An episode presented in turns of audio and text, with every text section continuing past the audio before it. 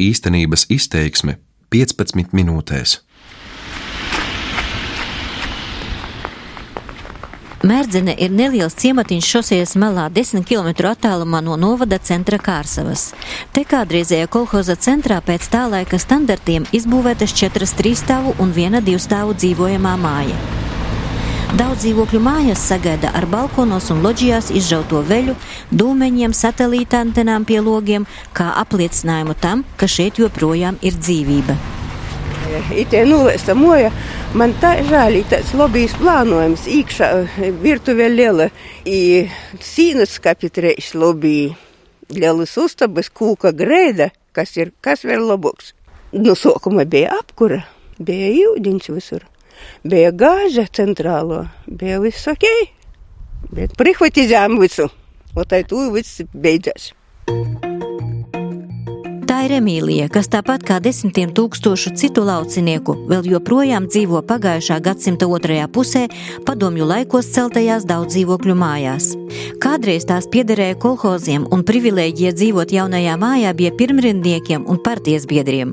Laika gaitā lielākā daļa šo māju pazaudēja apsaimniekotāju, mainoties demografiskajai un ekonomiskajai situācijai, palika tukšākas un pašlaik atrodas uz sabrukšanas robežas.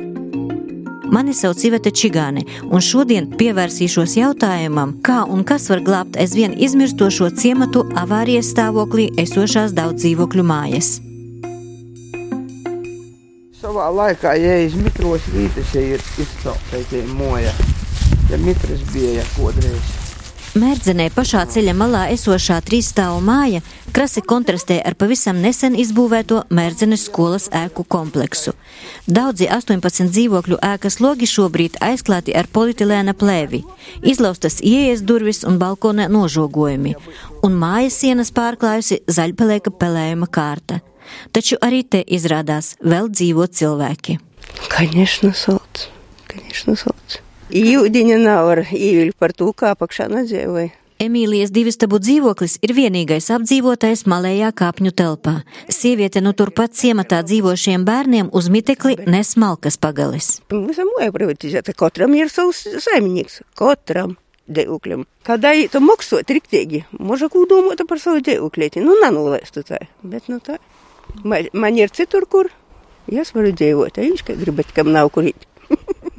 Emīlija viesmīlīgi aicina ciemos uz savu, kā viņa jokojot saka, pili, kur ziemā visa dzīve norit virtuvītē. Dzīvoklis tīrs, kārtīgs, tapetes gan nedaudz cietušas iepriekšējo jumta plūdu laikā. Ziemā Emīlijai galvenais siltuma avots ķieģeļu plītiņa. Turpat aiz aizkariem nodalīta arī gultas vieta. Sistēma bija, kura noja, ot radiators bija. Saku, bija moja ļoti laba, kā goļ dzīvot. Es do savu kopniešu sakūbļu, cik varu. Tad, kā, nu, kā pasēt, spēks ir.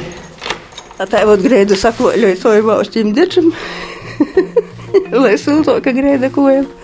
No, tā. Pieci no 18 dzīvokļiem mājā ar skaistu nosaukumu ceļmalītes skaitās apdzīvoti, taču īstenībā te dzīvība kūsā vien trijos.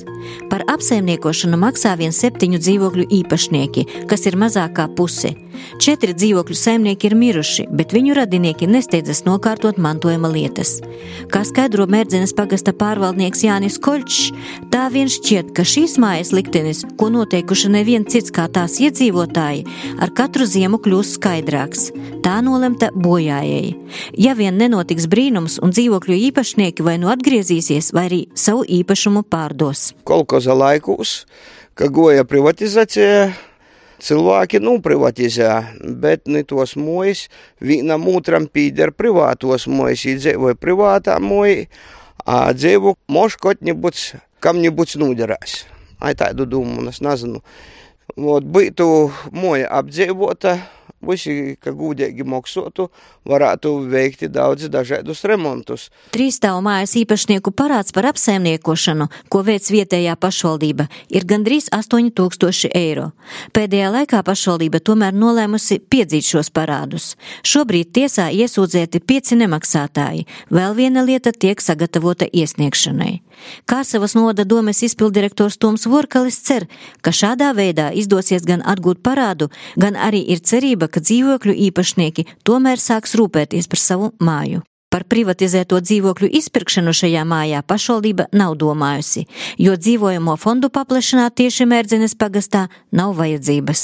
Lauku teritorijās, jeb ciematos, mums šobrīd ir klasiskās daudzdzīvokļu mājas 19 kopā. No šīm 19 mājām jāpiebilst tikai trijām ir centrālā apkure.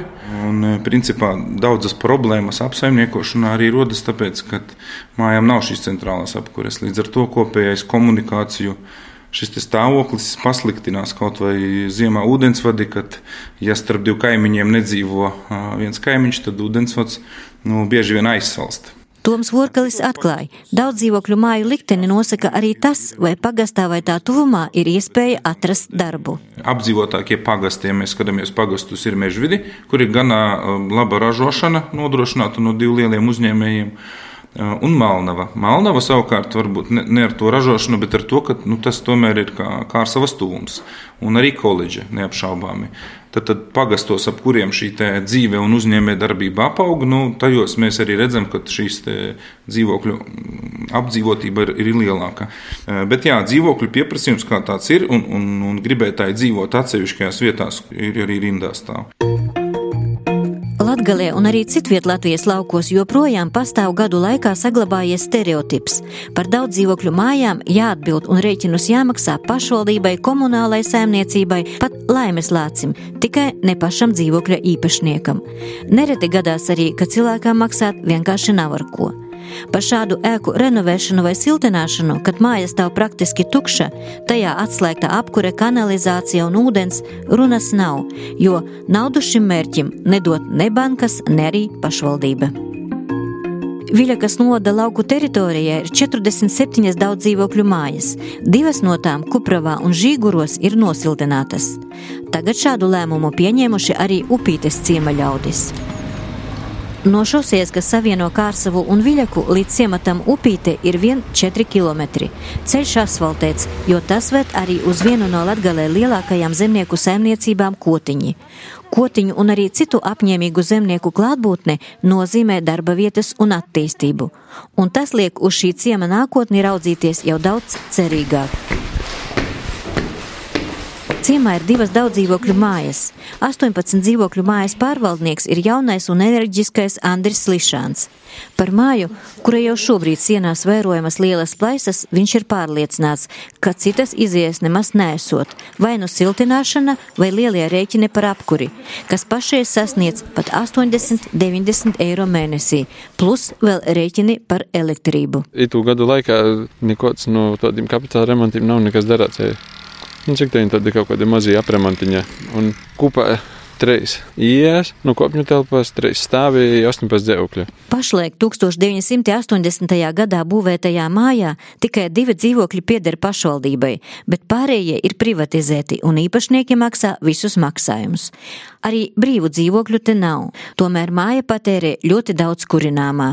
Mēs tā īsam vidējā kopņu telpā, šitumā arī atceru, no kur rakstīts upīties Felčeru vecumā šo punktu, to saucos. Silcīšā. So, ite, no kopņu telpos ir silts, šodien uzpār ir silts, jau nav vējā. To, ka nav vējā, tur es nezasūdzos cilvēki, ja tur es tī 20 grādi ir dorā, bet to, kā te ir vējs, Kaut arī ir plasmasas logi, to pat tam doram caurī. Lai arī ēkas siltināšana ir jau it kā pieņemts lēmums, šīs mājas iedzīvotāji un arī felčerpunkta felčere Sandra Šakina ir bažīga, ka viss vēl nav tik viennozīmīgi, jo plānotas ilgtermiņa parāds saistības, kuras uzņemties tomēr vēlas ne visu dzīvokļu īpašnieki. Es domāju, ka mums ir vēl bez skandāliem nebūs te. To nemaz mums ir pensionāri, kuri dzīvo, kuriem jau ir 80 gadi, un ka vēl 20 gadi ir jāmaksā kredīts, tad jūtīgi. Nu, pašvaldībā, ja ir tas dzīvoklis, ir vēl viens dzīvoklis, tad tam galā, ja ir ar mīnu maksāt savu, savu daļu. Vēl sapulci nav bijusi, nav par cik gadi jāmaksā, bet runāgoju par 20 gadiem. Arī es jau būšu toreiz vecā. Taču pozitīvu gaisotni un gaišāku nākotnes redzējumu sola katrā daudz dzīvokļu mājas kāpņu telpā novietotie bērnu ratiņi un bērnu velosipēdi, jo te blakus pensionāriem dzīvo arī daudzas jaunās ģimenes, kas strādā gan savā, gan arī lielajā kotiņu saimniecībā, gan arī valsts robežsardzē. Turpina Andris Slišāns. Nu, sākumā tie jaunākie iedzīvotāji, kas ir gados jaunākie, kam ir ģimenes, tie izdomā, ka vāga kaut ko remontēt dvaru. Tur ir saprotam, ka ir īspēja dabūt uz fondu naudu. Tad sākam runāt ar porējiem. Nu, nu, sākumā bija troki, nu, sākumā sajūt.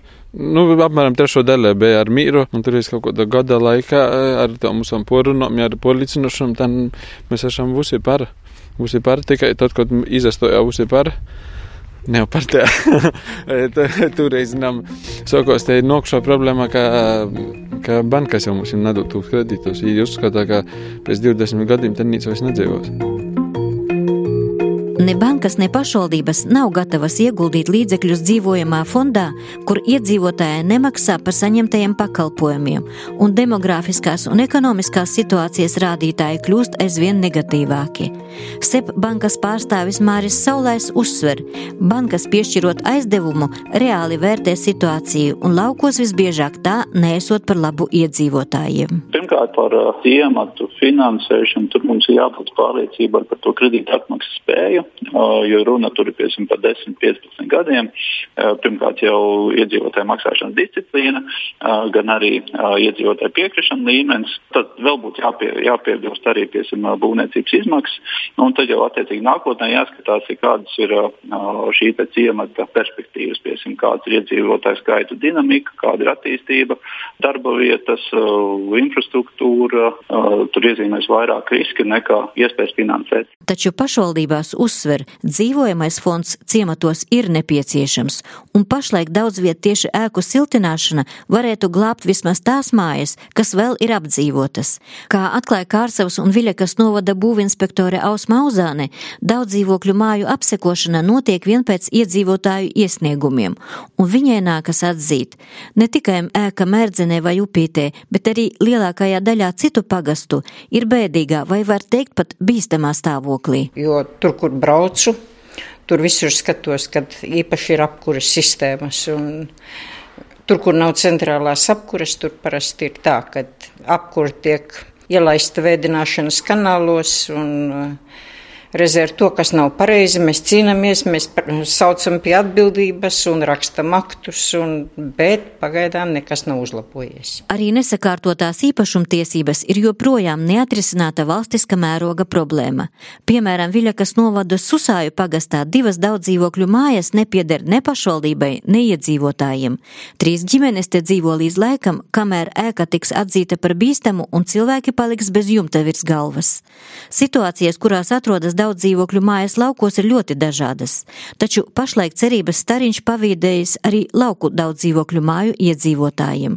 Kā skaidro valsts attīstības finanšu institūcijas altumpārstāvis Ingus Salmiņš, pašlaik finansējums daudz dzīvokļu māju siltināšanai ir pieejams arī tad, ja bankas to ir atteikušas. Ja māja vēlās uh, šos darbus veikt, tad Altum šajā gadījumā uzņemās arī finansētāja lomu, gan arī granta izsniedzēja lomu. Mājai jāatbilst sekojošiem kritērijiem. Mājā nedrīkst būt mazāk kā trīs dzīvokļi. Mājai pēc energoefektivitātes pasākumu veikšanas patēriņš apkurei nevar uh, būt augstāks kā 90 kWh gadā. Ja, bet labā lieta ir tā, ka mums šobrīd ir iesniegts ap 470 mājām, un pilnīgi visām mājām patēriņš pēc energoefektivitātes pasākumu veikšanas ir aptuveni 55, 60 kWh gadā. Līdz ar to nu, jebkura, es gribētu teikt, droši, jebkura Latvijas māja, kurā nekad nekas nav darīts vai darīts minimāli, kvalificējās un var tikt uh, norunāts šīs programmas ietvaros. Energoefektivitātes programmas laikā daudz dzīvokļu māju atjaunošanai un siltināšanai Latvijas iedzīvotājiem līdz 2022. gadam pieejams Eiropas Savienības atbalsts 156 miljonu eiro apmērā. Šobrīd no šīs summas apgūts vien 31 miljons eiro. Pašlaik liela daļa arī laukos esošo daudz dzīvokļu māju var pretendēt uz siltināšanu, taču ar vienu, bet ļoti būtisku noteikumu. Dzīvokļu īrniekiem un īpašniekiem ir ir kārtīgi jāmaksā rēķini, un kopā ar kaimiņiem jārūpēs par savu kopīpašumu. Šo raidījumu īstenības izteiksmē šoreiz sagatavoju es, Ivete Čigāni. Par labskaņu Latvijas radio Latgales studijā rūpējās Edgars Važnais.